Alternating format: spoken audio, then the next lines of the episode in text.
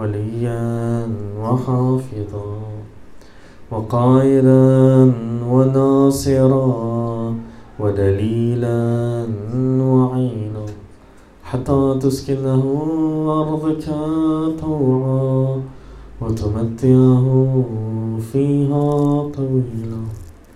في ممهد سؤالكم واسمع روتكم. سؤالكم كم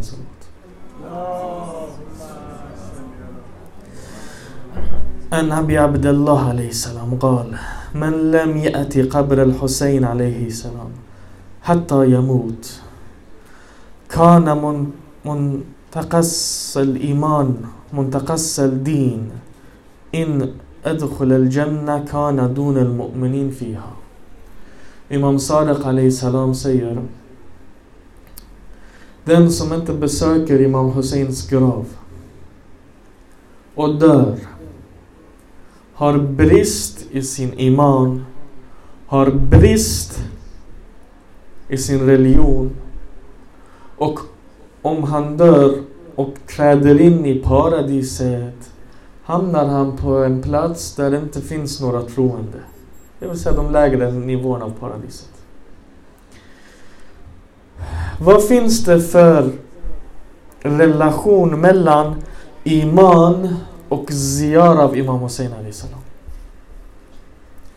Vad är det som gör att ziyar av Imam Hussein fulländar, fullbordar, kompletterar tron? Hur ska man ens besöka och göra ziyar av Imam Hussein salam för att uppnå den här fulländade tron som finns? Kvällens föreläsning är en Arba'in Mashaya för alla de som ska åka dit och vandra till Imam Hussein salam. Att dessa syskon ber för oss och vet hur de ska promenera till Imam Hussein salam. Så att när de kommer tillbaka, de är inte samma människa som gick dit. Imam Sadiq säger liksom, den som inte går har naqs och brist i sin iman. Vi kommer prata om vad iman är. Det är slarvigt översatt som tro, det är fel översättning. Vad är det som gör att den här Ziaran fullbordar en människa? När det kommer till hadither om Ziara av Imam Hussein, liksom, ziara betyder att besöka Imam Hussein. Det vi pratar om är inte en distans-Ziara, där vi sitter här nu, vi sitter i Sverige, i Malmö, vi läser Assalamu alaikum ya Abdullah, Assalamu alaikum ya Rasulillah. Härifrån vi gör en andlig uppkoppling, en distanssalam. Det är ungefär som man ringer Facetime eller videosamtal med någon släkting långt bort. Det är inte den Ziaran vi pratar om, utan vi pratar om en fysisk, närvarande Ziara. Ett fysiskt besök. Det finns jättemycket hadiser. Några hadiser, till exempel Imam Sadiq salam säger den som åker till Hajj varje år men inte åker till Imam Husseins grav, han har inte respekterat Guds och profetens rättigheter. Yani Imam Sadiq salam säger att Hajj utan Karbala, inte Hajj al-Wajib, alltså den obligatoriska, men en person som åker varje år till Hajj. Men han åker inte till Karbala. En sån person har inte respekterat Guds rättighet. Gud, vad sa Gud? Vad sa profeten när han lämnade människorna? Han sa, jag lämnar er med två tunga saker. Hadith Thakhalin. Koran och min familj, de två tillsammans. Det är det Imam Salih säger. Du kan inte Kaaba utan Karbala. Och för förra föreläsningen handlar det om just det här. Varför är Karbala heligare än Kaaba? Den föreläsningen hölls inte här utan det var en annan mos moské men den finns online för de som missade den. Varför är Karbala heligare än Kaaba? Um Said var en ättling till Ja'far Tayyar, Imam Alis bror. Så man kan säga att hon är på sätt och vis kusin till Imam Sadiq salam. Hon återberättade hadither från Imam Sadiq, hon var Imam Sadiqs kus, eh, kusin, sle, eh, vad heter det, eh, student. Och Muhaddes, Muhaddes är en som återberättar hadither. Vi har i böckerna till exempel från Um Said berättat från Imam Sadiq salam. Och från relationen jättespännande för imamen frågar henne om Said. Har du besökt min jad? Husseins grav. Om Said svarar, jag har besökt honom. Imamen svarar, det är ett jättemärkligt svar. Han säger, ja om Said. Besökandet av Imam Husseins grav är wajib. Obligatoriskt för män och kvinnor. Nu om ni kollar. Salat Jum'a. Salat Jama'a. Fredagsbön. Samlingsbön. Jihad. Detta är exempel på handlingar som är väldigt starkt rekommenderade under rätt förutsättningar, eller till och med obligatoriska. Men dessa är sådana som kvinnor inte behöver göra. Men Imam säger att jag Ziar av Karbala det är obligatoriskt för varje man och kvinna. Såklart om de kan och har möjligheten. Men obligatoriskt. Det finns en annan hadis. Denna hadisen är till de som vill men orkar inte. Du har den här slöheten.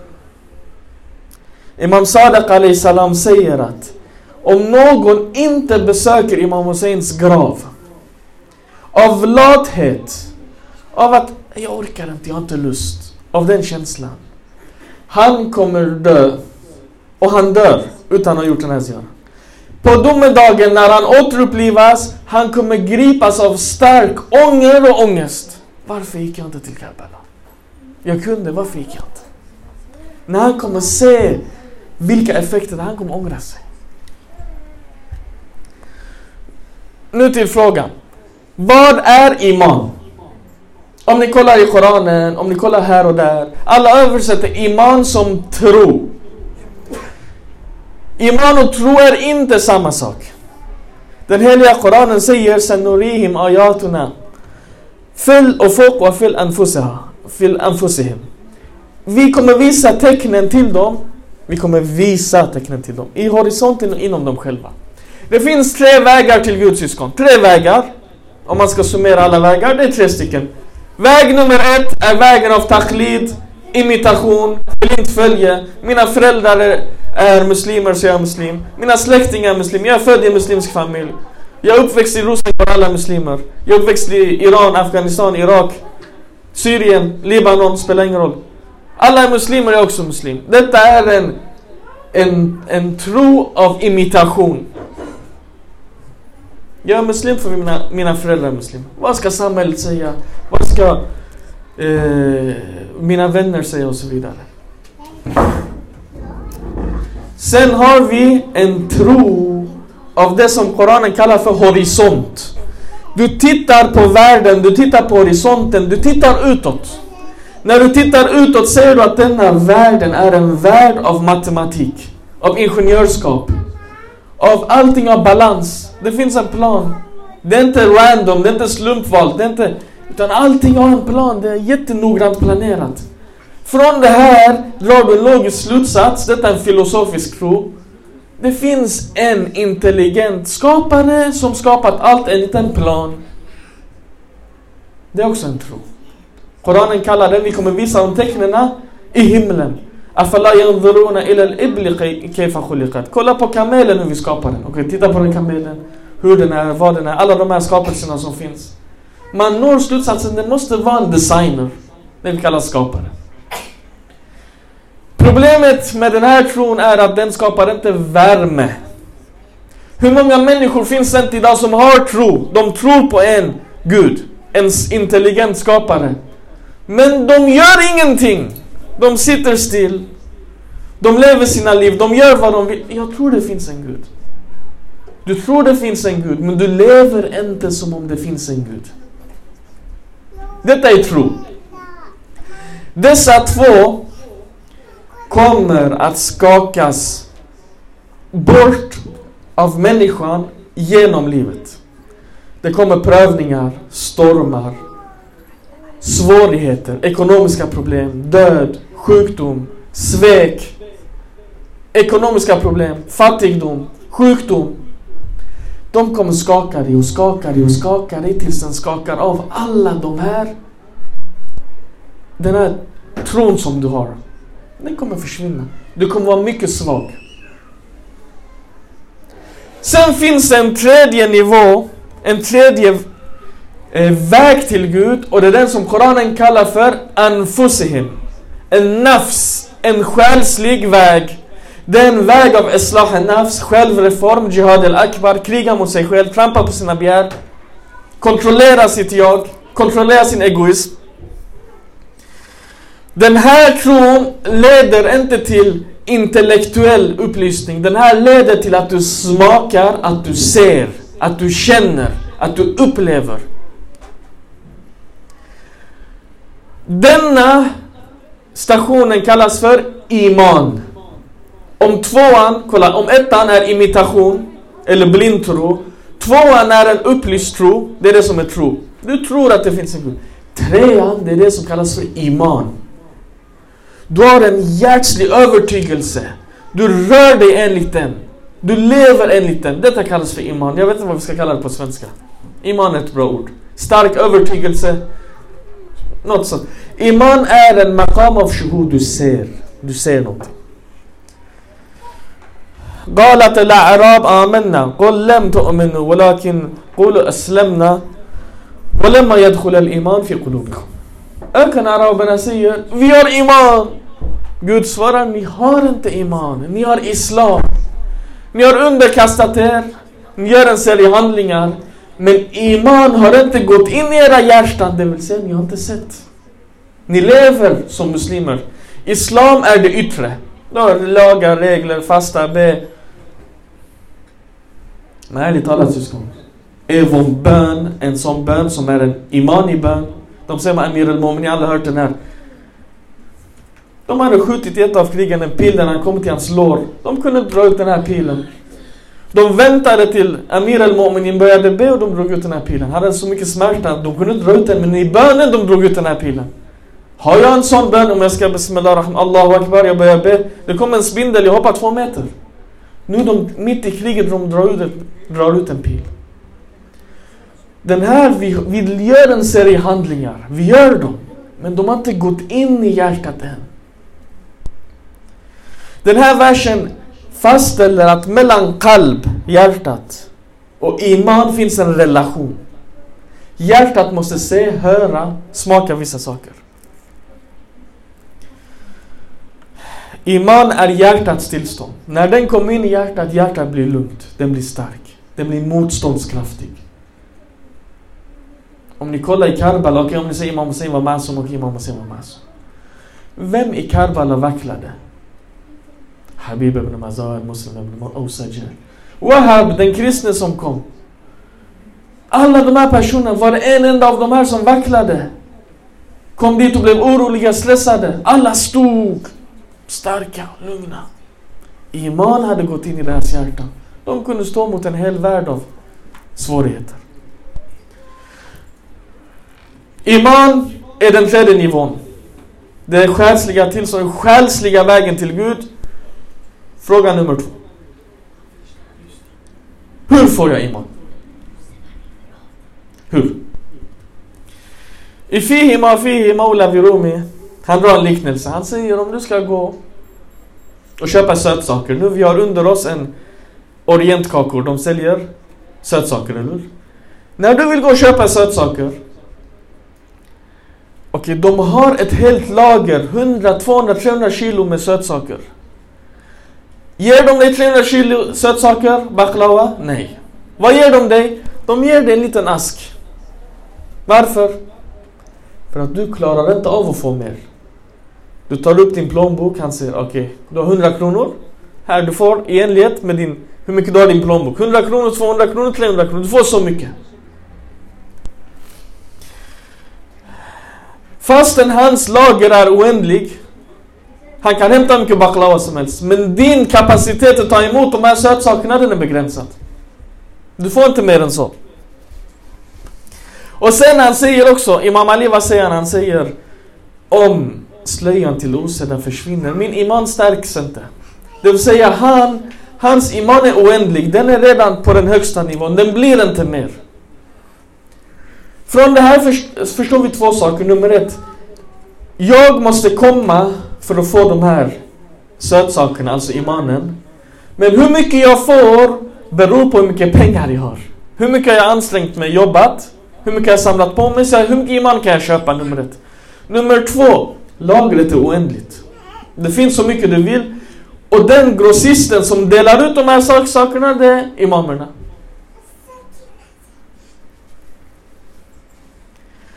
Vi får i enlighet med hur mycket vi klarar av. Hur får vi det här? I form av självreform, islah nafs, ansträngning, jihad akbar. Trampa på våra begär. Exempelvis, vi har ögon, öron. De här ögonen och öronen, vi ska, de ska vara i aman från smutsiga saker, från farliga saker. När de kommer in, det som kommer in ska vara bra saker. Det ska vara norani. Jag har en tunga, det som kommer ut. Jag har händer, det som kommer ut från mina händer, alltså mina handlingar, dessa ska vara också Norani. När det jag tar in en Norani, när det jag tar ut en Norani, eller i andra termer. Om mitt hjärta är i aman från det jag tittar på och hör på. Och om min omgivning är i aman och skydd från det mina händer skapar och det min tunga säger. Då kommer jag in i atmosfären av iman. Då tar jag första stegen i iman. Nu de säger olika hadiser, men exempelvis en hadis säger att iman är tio nivåer, tio steg. Det är som en trappa, du tar ett steg efter ett annat, uppåt. Här finns en sak syskon, och det är att ju mer jag står emot mina själviska begär, min ilska, min avundsjuka, min arrogans, mina, mina svordomar, min tunga, jag vill säga vad jag vill, jag pickar någon, jag retar någon, jag dissar. Ju mer jag står emot allt det här fula som kommer mot mig, ju vackrare blir jag, för jag går högre och högre upp på stegen av iman. Men, det finns en gräns.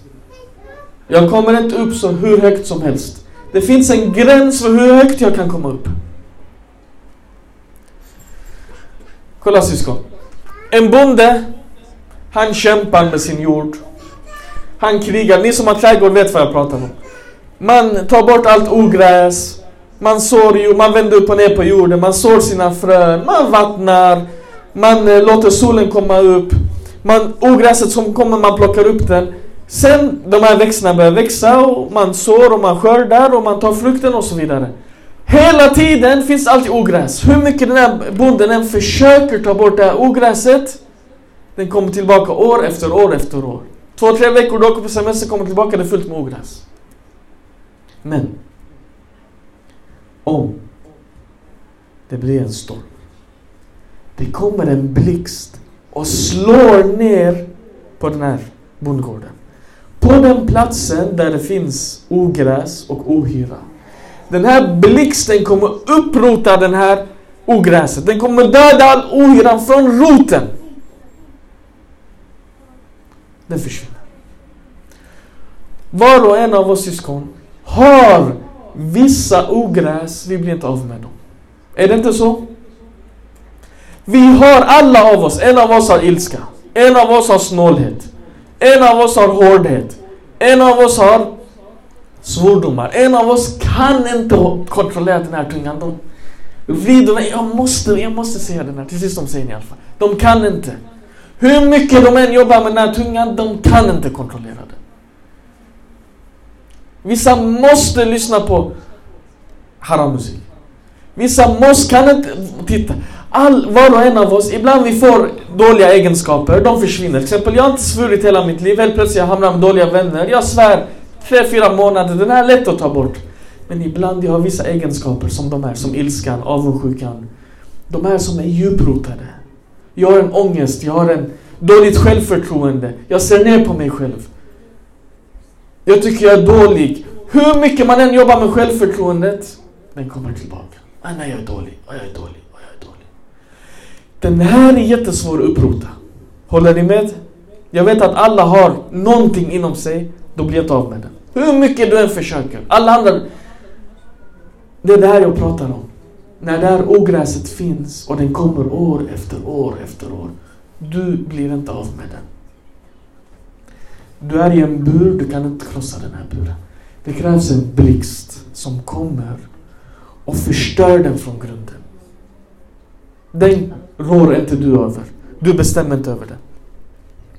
إذ قال إبراهيم ربي رب أراني كيف تحيي الموتى؟ قال أولم تؤمن؟ قال بلى ولكن ليطمئن لتطمئن قلبي. أبرام سيد الجود إيسا مي هودل أوتر بليفات داد جود سير هاردونت إيمان هان سير إيسا مي هاردونت إيمان إبراهيم سير هار إيمان مي أول سيف ميت ياركاس كفو اتمنان Ro. Lugn och ro. Fullständig övertygelse. Kolla, Ibrahim säger att om du vill ha de höga nivåerna av iman, du måste se vissa saker. Det går inte annars. Det är helt omöjligt. Ditt hjärta måste se vissa saker, ditt hjärta måste höra vissa saker. Annars är du fast i den intellektuella tron. Det är ett bevittnande.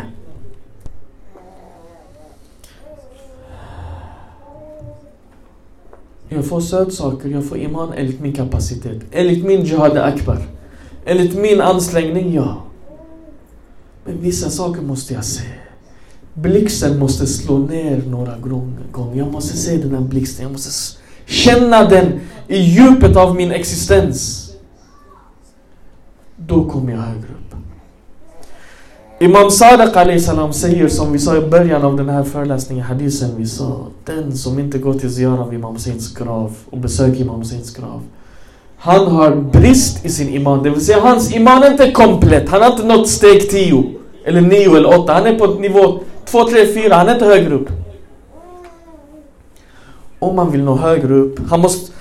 Två saker här pekar Imam Sadiq på. Nummer ett. Han säger att du måste ha en relation till Walaya. Yani besök Imam Husseins. Du måste ha en relation till någon du älskar. Det går inte bara med Facetime. Hur mycket har du ringt Facetime till den du älskar? När ska du hälsa på honom? Nu är pandemin slut. Gå! Det är nummer ett. Relation. Nummer två, Imam Sadiq salam säger att Kolla syskon. Jag sa vad? Vill du ha, inte jag, Ibra Ibrahim säger i Koranen. Vill du ha högre nivåer av iman? Vill du inte ha brist i din iman? Vad måste du göra? Du måste se. Imam Sadiq säger om du inte besöker Imam, Imam Hussein du har brist i din iman. Vad betyder det? Det betyder du ser inte. Vad betyder det? Det betyder om du besöker Imam Husseins grav, du kommer se. Och när du ser, du går upp i din iman. Yani du ser vissa saker. Vissa spirituella verkligheter avslöjas för dig. Det är inte jag som säger det, är Imam Salih som säger. Mellan raderna.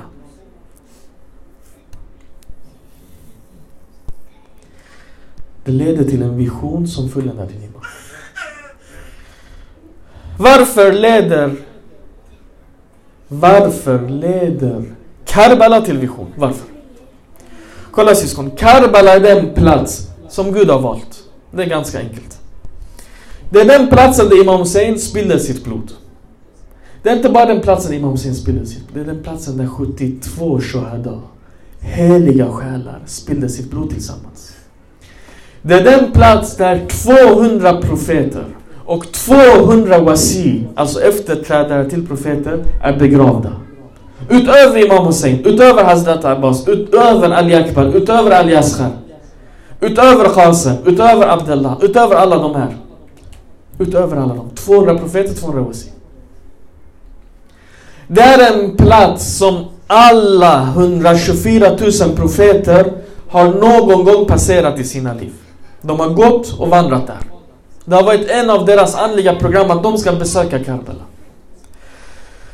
Det är en plats där Guds lotf, Guds ynnest, Guds eh, välvilja, Guds, mm, hur ska man säga, välsignelse vilar på den här platsen. Liksom, kolla blixten, var slår blixten ner? Den slår inte ner i en dal. Den slår ner på en kulle. Eller på ett högt berg. Ju närmare den här toppen är till himlen, där slår blixten ner. Karbala är en sån plats. Vill du komma nära himlen av Walaya och få den här blixten av Walaya som ska slå ner på dig, du måste gå upp på kullen av Karbala. När den här Walaya till blixten träffar dig, den bränner upp dig. Den upprotar allt det här smutsiga som du har.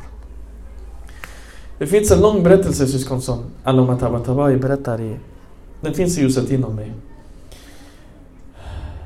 Jag ska berätta en kortfattat, men den är väldigt spännande. För det, detta är innan revolutionen i Iran. Det är en tid där Iran var som västvärlden, som Frankrike eller Paris eller något annat. Det är en ungdom, han är civilingenjör. Han berättar, jag... Han sitter i en buss tillsammans med en annan man. Den här mannen är vän till Alama Tabatabai. Det är så relationen går. Vännen berättar att jag såg den här unga mannen. Han bara sitter och gråter, hans tårar rinner ner. Jag frågar honom, vad är det med dig? Varför gråter du? Ska jag... Är det något du behöver? Han säger, jag ska berätta min historia för dig. Han säger, jag är en civilingenjör. Från Zanjan, den stad jag jag är uppfostrad som en ateist. Ingen islam, ingenting. Jag har spenderat mitt liv festa, dricka alkohol, gå på fester, disco. Levt helt utanför islam. En dag var jag i fest med mina vänner. Jag kände en ångest i mitt hjärta. Mitt bröst fick upp. Jag kände en äh, ledsenhet, sorgsenhet. Jag visste inte vad den berodde på. Hur mycket jag än gjorde, jag fick, blev inte av med den. Jag gick upp på ovanvåningen. Jag gjorde en bön till Gud. Jag sa, jag grät och jag sa Gud om du finns, rädda mig den här sorgsenheten. Var kommer den ifrån? Jag förstår inte. Jag gick ner, några dagar passerade, jag gick på en tjänsteresa tillsammans med min chef och några kollegor. När vi kom på den här tjänsteresan, det kom en alem till mig. Vi var stod tillsammans, den här alemen, det var en rätt så känd alem. Han kommer, han var väldigt upplyst i ansiktet. Han hälsade på mig. Jag hälsade rätt så kallt på honom. Han tog mig åt sidan, han sa jag vill prata med dig. Han pratade lite med mig och sen han sa jag vill träffa dig imorgon. Jag bestämde bara någon tid sådär och sa hej då, så gick jag. Min chef och de andra sa varför behandlar du mig sån dålig respekt? Han var en rätt så känd lärd i området. Han sa jag trodde det var en fattig person. Hur som helst, dagen efter hade jag ett kundmöte så kundmötet var samtidigt som jag skulle träffa den här alemen.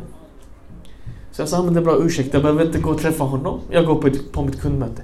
En halvtimme innan, en timme ungefär innan kundmötet, han sa, jag börjar få frossa, feber, jag började darra, skaka, jag mådde jättedåligt. Jag ringde min chef och jag ställde in kundmötet, jag sa jag blivit sjuk. Så fort jag ställde in mötet, la mig ner 20 minuter senare, jag märker hela min feber har försvunnit och jag mår jättebra igen. Så jag sa, det här kan inte komma från sig själv. Det måste finnas någon, någon filosofi bakom. Jag tänkte, jag ska gå och träffa den här alemen, kanske det finns någonting bakom där. Jag gick och träffade den här alemen. Han började lära mig trons grunder. Han bevisade Guds existens. Han pratade med om behovet av religion, behovet av islam, vägen till välmående och så vidare. Och han gav mig vissa ett program jag skulle följa. Han sa kom tillbaka imorgon. Jag kom tillbaka imorgon. Flera dagar passerade på det här sättet. Jag gick och hälsade på honom. Jag fick olika program. Och han förändrade mitt liv. Jag började be. Jag slutade med mina gamla vanor. Jag slutade med alkoholen, med de dåliga vännerna, festerna. Jag försökte förändra mitt liv. En dag, mina gamla vänner insisterade jättemycket och sa kom, vi har en fest. Jag gick på den här festen. Det var alkohol där. Vi spelade poker och kortspel och gambling. Och... Efteråt, den här alemen kallade mig. Han sa, varför gick du på den här festen igår? Jag hade inte berättat för honom. Han sa till mig, du var på den här festen, du gjorde det här, det här, det här. Skäms du inte? Han sa, jag började gråta i det här mötet. Hur visste han det här? Han sa, gå och gör en ghusl. Tvätta dig, rena dig av toba. Och sen han gav mig program och jag kom dagligen hem till honom. Och varje dag han avslöjade saker i mitt privatliv som ingen annan visste om. Jag följde hans program tills han sa till mig att det är dags för dig att åka på ziara. Och han skickade mig på en ziara. Och nu sitter jag på den här bussen. Och jag är på väg till Imam Hussein alltså. Alamat vän berättar att det dröjde en, två timmar. Efter en, två timmar, den här unga mannen började skjuta och gråta jättehögt. Hela hans axlar, han var lite kraftig. Hans axlar började skaka. Jag sa, vad är det som har hänt? Han sa, jag hörde precis Imam Hussein säga till mig, ahla wa sahla, välkommen till mitt land. Och just då, busschauffören annonserade att vi har precis korsat Iraks gräns och vi är på väg till Karbala. Om en sån ungdomssyskon, sån ung man, hela sitt liv har varit i mörker, borta från Gud. På några veckor med ett seriöst spirituellt program. Det är det här jag säger. Detta är iman. Detta är vägen till Gud. Detta är vägen av själen. Inte att du läser några böcker och övertygas om att Gud finns och slut. Nej, du går på dig själv. Du uppoffrar. Ger upp dina dåliga vanor. Du kommer till den här vägen, det leder till iman. Men frågan är här syskon, når alla fulländad tro som kommer, når alla fulländad iman som kommer till Karbala? Det är inte så. Så många åker varje år och kommer tillbaka, de är samma människor. Vissa blir sämre människor. Varför är det så här? Sanningen är den att de flesta har inte gjort de mokaddamat och förberedelser som krävs för att nå den nivån av shuhud, bevittnande, upplevelser som den här unga mannen gjorde. För det första, det krävs att du har ett program. Yani nu, nu, innan du åker, du måste ha gjort en självreform. Du måste ha offrat vissa saker. Du måste ha jobbat på dig själv lite grann innan du åker. Som vi sa iman, ja när du kommer du måste ha med dig pengar. För att köpa de här sötsakerna. Men ibland, den här eh, ägaren av sin generositet, han kommer, han säger det, han säger du har handlat här varje dag, nu jag ger dig ett stort paket, ta med dig hem. Det är på det här sättet. Du måste, du måste ha jobbat med dig själv, du måste ha lite spirituella pengar med dig så du kan köpa någonting. Sen hur mycket du får. Den börjar här. Du börjar här, tårar hjälper. Ge upp en enda dålig handling. Jag vet inte vad du har, syster och bror. Har du kontakt med någon? Lyssna på något dåligt. Titta på något dåligt. Dålig vän. Dålig egenskap. Offra den. Bli vän med Imam Hussein. Det är inte svårt. Lägg den hos Försök han hjälper. Det är nummer ett. Sen finns det vissa adab som man ska iaktta på själva resan. De flesta iakttar inte de här adaben på resan heller. Imam Sadiq salam har berättat för oss hur vi ska göra ziyara av Imam Hussein. Vill ni höra? Om ni vill höra, jag vill höra en salawat. Detta är inte salawaten av en som vill höra hur de ska göra en ziyara av Imam Hussein för att nå maqam av shuhud.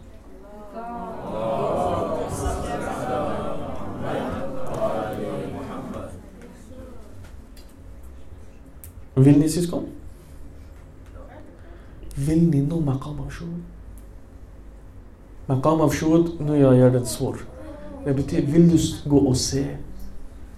Ja, det räcker inte nu, ärligt talat. Nu jag är jag är kanske mellan er ålder. Vissa är äldre, vissa är yngre än mig. Jag har tröttnat på det här livet. Jag ber mina böner. Jag fastar, jag läser lite Koran, jag läser lite Dua. Sen då? När ska jag ta sötma av den här bönen? När ska jag uppleva saker och ting? När ska jag börja drömma saker och ting? Räcker det inte? Hela mitt liv, jag går varje dag, dag utan jag tittar på TV, jag pratar med mina kompisar om samma sak. Jag är på samma plats som jag var för ett år sedan. Räcker det inte? Är det inte dags att jag gör en rörelse mot Gud? Att jag ser någonting, att jag förändras lite grann. Säg inte ja ah, när jag var 15 år, jag förändrade mig, nu det räcker. Nej, det räcker inte. Resan är oändlig. För Gud är oändlig. Gud är oändlig. Imam Sadiq salam har en lång hadis. Där han beskriver hur man ska göra ziyara vid Imam Hussein. Jag har brutit ner den i 12 punkter. Är det bra? 12 punkter. Punkt nummer ett. Han säger, det är inte jag som säger, det är imamen som säger. Han säger du måste ha en väldigt bra relation till dina medresenärer. Punkt nummer ett. Bra relation till dina medresenärer. Yani, välj för det första, ni som reser, med bara en karavan med massa okända eller massa från moskén. Det är svårare för er. Det kommer komma massa olika människor, massa olika typer. Ni som har åkt till Hajj vet om det. det kommer, ibland kommer det jättekonstiga människor. De är bara eh, viktigt för dem vad de ska äta, hur de ska äta. Den här eh, maten var bra, den här var dålig. Vissa är så här, vissa är jättekonstiga. Det här blir en större utmaning. Men om du kan välja tre, fyra bra vänner och ni går tillsammans i en grupp. Hälften av arbetet är gjort. Det är mycket lättare. För då kan du ha en bra relation. Vad betyder bra relation? Uppfyll deras önskemål. Tjafsa inte med dem. Diskutera inte onödiga saker. Höj inte din ton. Var inte skarp i tonen. Det här är lättare när man har redan gjort en Jihad al-Akbar tillsammans. Punkt nummer två, imamen säger prata väldigt lite. Prata väldigt lite. De säger i Seir och Suluk tio saker man ska göra. Nio av dem är vara tyst. Den tionde, prata inte. Prata lite Simon. Om du ska prata, det ska vara något nyttigt, nödvändigt. Något som berikar någon, lär någon, ger en positiv stämning. Det behöver inte uttryckligen vara en religiös sak. Du kanske ser att någon är lite nere eller kanske mår lite, du kanske lägger ett, ett skämt så den här personen ler eller någonting. Men det ska vara någonting som är nyttigt, som hjälper, som... Egentligen det är ett ljus. Det är ett ljus. Inget mörker. Inget onödigt. Prata lite. Tre. Gör så mycket dhikr du kan. Nu jag vet att varje steg du tar är dhikr när du är mashaya. Eller om du tar taxi eller vad du nu tar. Men gör dhikr. Aktivera den här tungan. För som i tungan, när hjärtat är i ghafla som hos mig. Tungan blir en ostad och lärare. Tungan repeterar tills hjärtat börjar repetera. Sen blir hjärtat ostad och lärare till tungan. Gör mycket dhikr. Fyra. Håll dina kläder rena. Smutsa inte ner dig själv. Nu vi pratar inte om dammen på vägen, men till exempel om du kommer till en mokeb. De delar ut, jag vet inte, ris och bamia. Men häll inte tomatsås på dina kläder eller gör inte så här. Försök hålla det rent. Egentligen ät noggrant, fint, var försiktig med hur du uppför dig. Fem. Innan du träder in där i, alltså runt haram och närheten av haram. Gör ghusl och ha khushu. Khushu alltså gudsfruktan. Sex, när du är där runt haram och så vidare. Be mycket och skicka mycket salat. Sju. Kanske den är speciell för systrar, jag vet inte. När du är där, gå inte efter saker du inte behöver. Och kontrollera, och kontrollera dina ögon. Vad betyder gå inte efter saker du inte behöver? Ni gå inte och shoppa och köp souvenirer. Jag ska köpa den till min kusin och min faster och min moster och min ashira. Nej, detta är ingen plats för att du ska köpa saker. Det är inte som hajj. Köp i flygplatsen, köp på hemvägen. Inte där runt Kar inte i Karbala. Det är fel plats. Okej okay, om du vill ta en turba. Det där är en annan sak. Kanske du vill ta med en turba av Tabaruk hem. Det är något sånt där. Ja, men spring inte efter affärer. Ni som är hajj, har varit i hajj vet. Folk gör mycket sånt där. Hela ziyaran går åt att man ska köpa grejer. Imam Sadiq säger, gå inte. Om du behöver någonting, gå och köp den. Dina skor blev stulna, gå och köp ett par skor. Okay. Annars, gå inte så mycket. Gå inte ens i basaren. Dina ögon utsätts. Nu jag pratar inte om haram och mahram och så. Nej, du tittar på grejer som egentligen är onödiga. Det är världsligt glitter. Du behöver inte det där och då. Du ska förbereda de här ögonen för att de ska se något annat. Nummer åtta. Om det finns någon som har ett behov eller önskemål i karavanen så uppfyll det utan fördröjning.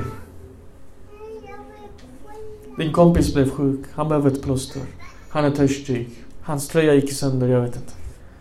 Spring och uppfyll den här. Nummer nio, Imam Sadiq Ali säger, om du går någonstans som är osäker, exempelvis Samara, så gör taqiyya. Gör taqiyya. Om ni får tawfiq till Samara, visa inte upp så mycket. Gå. Imamen själv döljde inte bara sin tro. Imamen, Imam Mahdi Ajala, han döljde hela sig själv. Inte e bara sin tro på den platsen. Nummer 10. Håll dig borta från det som Gud har varnat för. Det som Gud har varnat för är mer än bara haram. Tjafsa inte, ha inte onödiga diskussioner. Bröder, diskutera inte mycket onödig politik. Det löser ingenting. Rösta här i Sverige, säg salam alaikum till politiken och gå dit och var fokuserad på det spirituella. För de här politiska diskussionerna leder ingen vart till ingenting. Ingen av oss är politiker. Fokusera på det som behövs. Nummer 11, svär inte. Inte svordomar, alltså, alltså ge inte, säg inte Wallah, Wal Koran, de här sakerna som vi brukar göra. Svär inte där. Den tolfte imamen säger, han säger om en människa uppfyller de här sakerna är hans göra accepterat. Nu om du undrar varför människor åker dit och kommer tillbaka och inte har förändrats. I någonstans av de här tolv punkterna, det är lite fel. Det finns någon brist. Jag när han promenerade från Najaf till Karbala, vad pratade de om? Vad tittade de på? Hur uppförde de sig? När de satt i Mawakib, vad de åt, kanske en mat var dålig, en var bra, en var för salt, en var för lite salt. Reagerade de? Sa de till att ah, den här maten var konstig? Det här påverkar. Allt det här påverkar. Sen syskon, alla de här som Imam Sadiq pratar om, alla detta är på utsidan. Det är zahir. Alltså det är adab, det är vett och etikett. Det är uppförandekod. Sen finns det vissa saker syskon. Imam Sadiq säger en annan hadis. Han säger när du önskar göra ziara av Imam Hussein. Gör en ziara i ett tillstånd där du är förkrossad. Du är sorgsen. Du kommer med okammat hår. Det är imamen som säger, kom med okammat hår. Kom dammig. Kom hungrig. Kom törstig. Varför? Imam, imamen svarar, för att Imam Hussein dödades i det här tillståndet. Han dödades sorgsen, förkrossad, okammat hår, dammig från topp till tå. Han var hungrig, han var törstig. Sen imamen säger, när du kommer in, när du är där, be för dina önskemål snabbt, för dina hajat. Gå snabbt. Stanna inte länge. Gå in och gå ut. Varför? Vill du dra nytta av Imam Husseins Rouhaniya och Nouraniya? Vill du kopplas till Imam Husseins Ruh? Du måste bli som Imam Hussein, du måste likna Imam Hussein i ditt ziara. När han blev martyr, han var på det här sättet. Koppla dig till honom genom att på utsidan vara som honom. Förr i tiden när de gjorde ziara, det var tradition. De kom med hästar, med kameler, vissa promenerade. Det var långa resor, det var mycket smuts och damm och lera. De hade som vana att med de här kläderna, trötta, törstiga, trötta från vägen, hungriga, dammiga. Med dessa kläder de gick in till Haram. För att de ville komma som Imam Hussein. Han var på samma resa från Medina, från Mecka han har promenerat. Kommer till Karbala, de också på samma sätt. De gjorde den här ziyaran. Syskon, en punkt också när det kommer till Ezni Dukhul. Du vet när man ska komma in i Haram, helgedomen av imamen. För alla imamer säger de så här. Du står vid yttergränsen. Du, gör, du läser den här Ezni Dukhul. Du ber om tillåtelsen för att komma in. Och så säger de att tecknet för att du ska få komma in, det är att du ska känna i hjärtat någon, någon förändring, någon förkrossning, någon sorg, någon upp, upp och nervändning. Men om du känner den, du kan gå ända till Zarih. Ända till där själva graven är begravd. Om du inte känner den, gå in i Haram. Men gå någonstans utanför Zarih, den heligaste biten. Där sitter, gör din ziara, läs Koran, be och så går därifrån. Gå inte ända hela vägen fram. Men när det kommer till Imam Husseins ziara, det är annorlunda. De säger att när du gör Ezni och vill gå in, tecknet för att du har fått Ezni och tillåtelse att komma in, är tårar. Du går dit. Du ber Imam Hussein om tillåtelse att få träda in. Om tårarna rinner är du välkommen. Gå in, gå ända till Varih. Be om ditt önskemål och kom ut. Snabbt. Imam säger. Hur ska du veta vad du ska önska dig? Ja, du har haft från Najaf att fundera på det här. Varje steg du har tagit, du har inte pratat så mycket. Du har varit i dhikr. Vad vill du ha från Imam Hussein? Imam Sadiq säger att Kamaluddin, Kamalul iman är hos Imam Hussein. Gå inte dit och be om fru och barn och hälsa och pengar och jobb och karriär och hus och bil och... Vad är det här för saker? Folk går dit och får de här sakerna. Men det är inte imam, det är dunja. På vägen dit, be om den här fulländade imanen. Be om den här. Rabbi, är imam? Ibrahim säger visa mig. Gå dit, be Imam Hussein att visa dig saker och ting.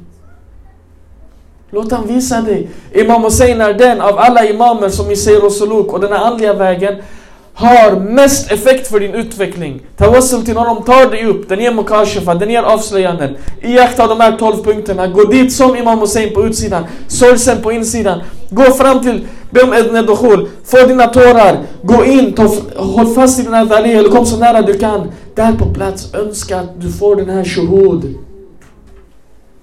Att du får det här bevittnandet av hela den här världen. Eller högre. Be om de här stora andliga sakerna. Men skynda dig därifrån. Varför? För när blixten slår ner, du klarar inte av att vara där. När blixten slår ner mer än en sekund och du brinner upp. När blixten slår ner, klarar inte en människa. Imam Husseins ruh är där. Ali Akbars ruh är där. Ali Asghars ruh är där. Abul Fadl al-Abbas ruh är där. Allama Maqazi han blev Allama Maqazi i Abbas haram. Det var i Abbas haram som Mukashefan kom och han blev den han blev. I 40 år, 50 år, han strävade efter den punkten. Det var i Abbas haram.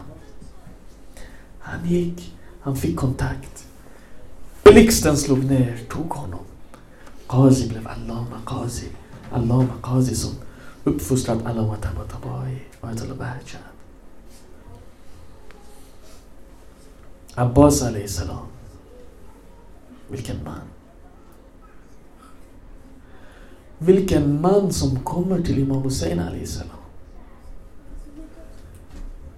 Han kommer till Imam Hussein. Alla ashab som kom till Imam Hussein och bad om att få gå ut och kriga. Imamen sa nej. En, två, tre gånger. De fick gå ut och kriga.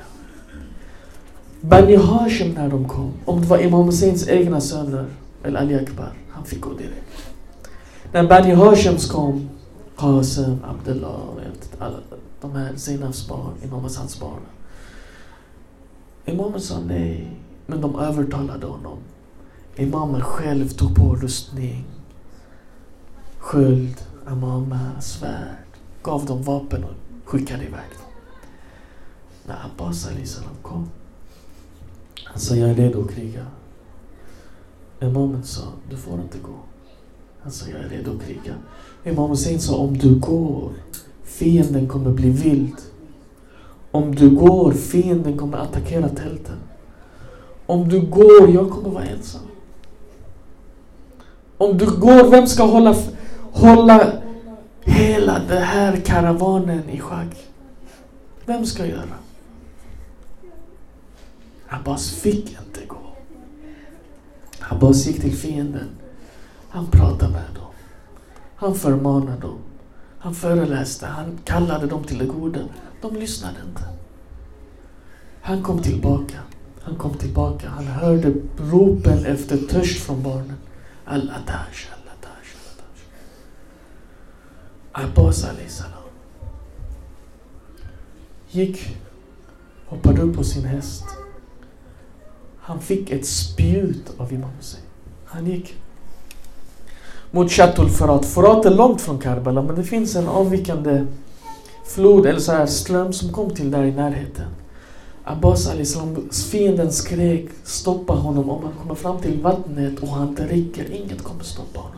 Abbas nådde fram, de kände inte Abbas ibn Ali. Han gick in, han drack inte av det här vattnet. Han drack inte. Han kastade iväg det, han fyllde den Han kom tillbaka, som ni vet, när han kom tillbaka, de kapade hans högra hand. Han tog vattenbägaren till sin vänstra, de kapade hans vänstra hand. De slog ner honom. Frågan här syskonen, varför gav inte Imam Hussein ett svärd till Abbas? Varför? Alla andra fick svärd, alla andra fick utrustning, alla andra fick sköld. Abbas fick inte. Ja, ni har ni tänkt någon gång när Abbas gick ut i krigsfältet, hur, varför kunde de kapa av hans högra hand så enkelt? Hur kunde de kapa av hans vänstra hand så enkelt? Han dödade ingen, kanske no några stycken. Alla andra gick och krigade långa stunder. Abbas hade inte den här situationen. Varför? Abbas hade inte ett svärd i sin hand. Han hade en, en, en pil. Det är en lång stav och en liten spets. Vad ska han göra med den här pilen? Vad ska han göra med den här? Varför gav inte Imam Hussein Abbas ett svärd? Kanske var anledningen att om Abbas hade fått det här svärdet. Abbas hade gått. Han hade gått mot Shahada. Han hade gått till hjärtat av fienden. Abbas hade inte kommit tillbaka. Abbas hade lämnat Imam Hussein och gått. Kanske tänkte Imam Hussein att om han får det här staven och spjutet Kanske finns det möjlighet att Abbas återvänder.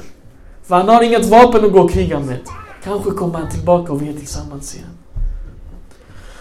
السلام عليك يا أبا عبد الله وعلى الأرواح التي حلت بفنائك عليك مني سلام الله أبدا ما بقيت وبقي ليل ونهار ولا أجعل له لو آخر العهد مني لزيارتكم. السلام على الحسين وعلى علي بن الحسين وعلى أولاد الحسين وعلى أصحاب الحسين. السلام عليك يا أبا الفضل العباس. اللهم إني أسألك وندعوك باسمك العظيم الأعظم الأجل الأكرم. وحسين بن علي ditt اسم أعظم Abbas ibn Ali är av dina ismen Adam. Vi ber dig vid dessa två bröder som var också gjorde en mashaya och en resa till Arbain och till Karbala. Att du välsignar alla som ska resa till Karbala. Att du beviljar och belönar och skänker en ziara till Karbala. Speciellt för alla som är samlade i den här lokalen och alla andra som lyssnar på den här föreläsningen. Att du vägleder och skyddar oss, leder oss till bevittnandet av det gudomliga och det andliga. Att du gör oss till ljus på den här vägen, tar oss på den här vägen, skyddar oss från det onda och tar oss till det goda. Att du gör oss som Imam Hussein, att vi lever som Imam Hussein och att vi dör som Imam Hussein.